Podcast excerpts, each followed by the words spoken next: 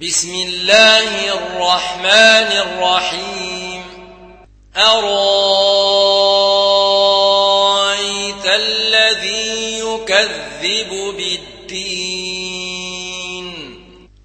فذلك الذي يدع اليتيم ولا يحض على طعام المسكين.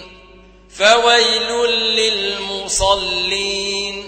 الذين هم عن صلاتهم ساهون الذين هم يراءون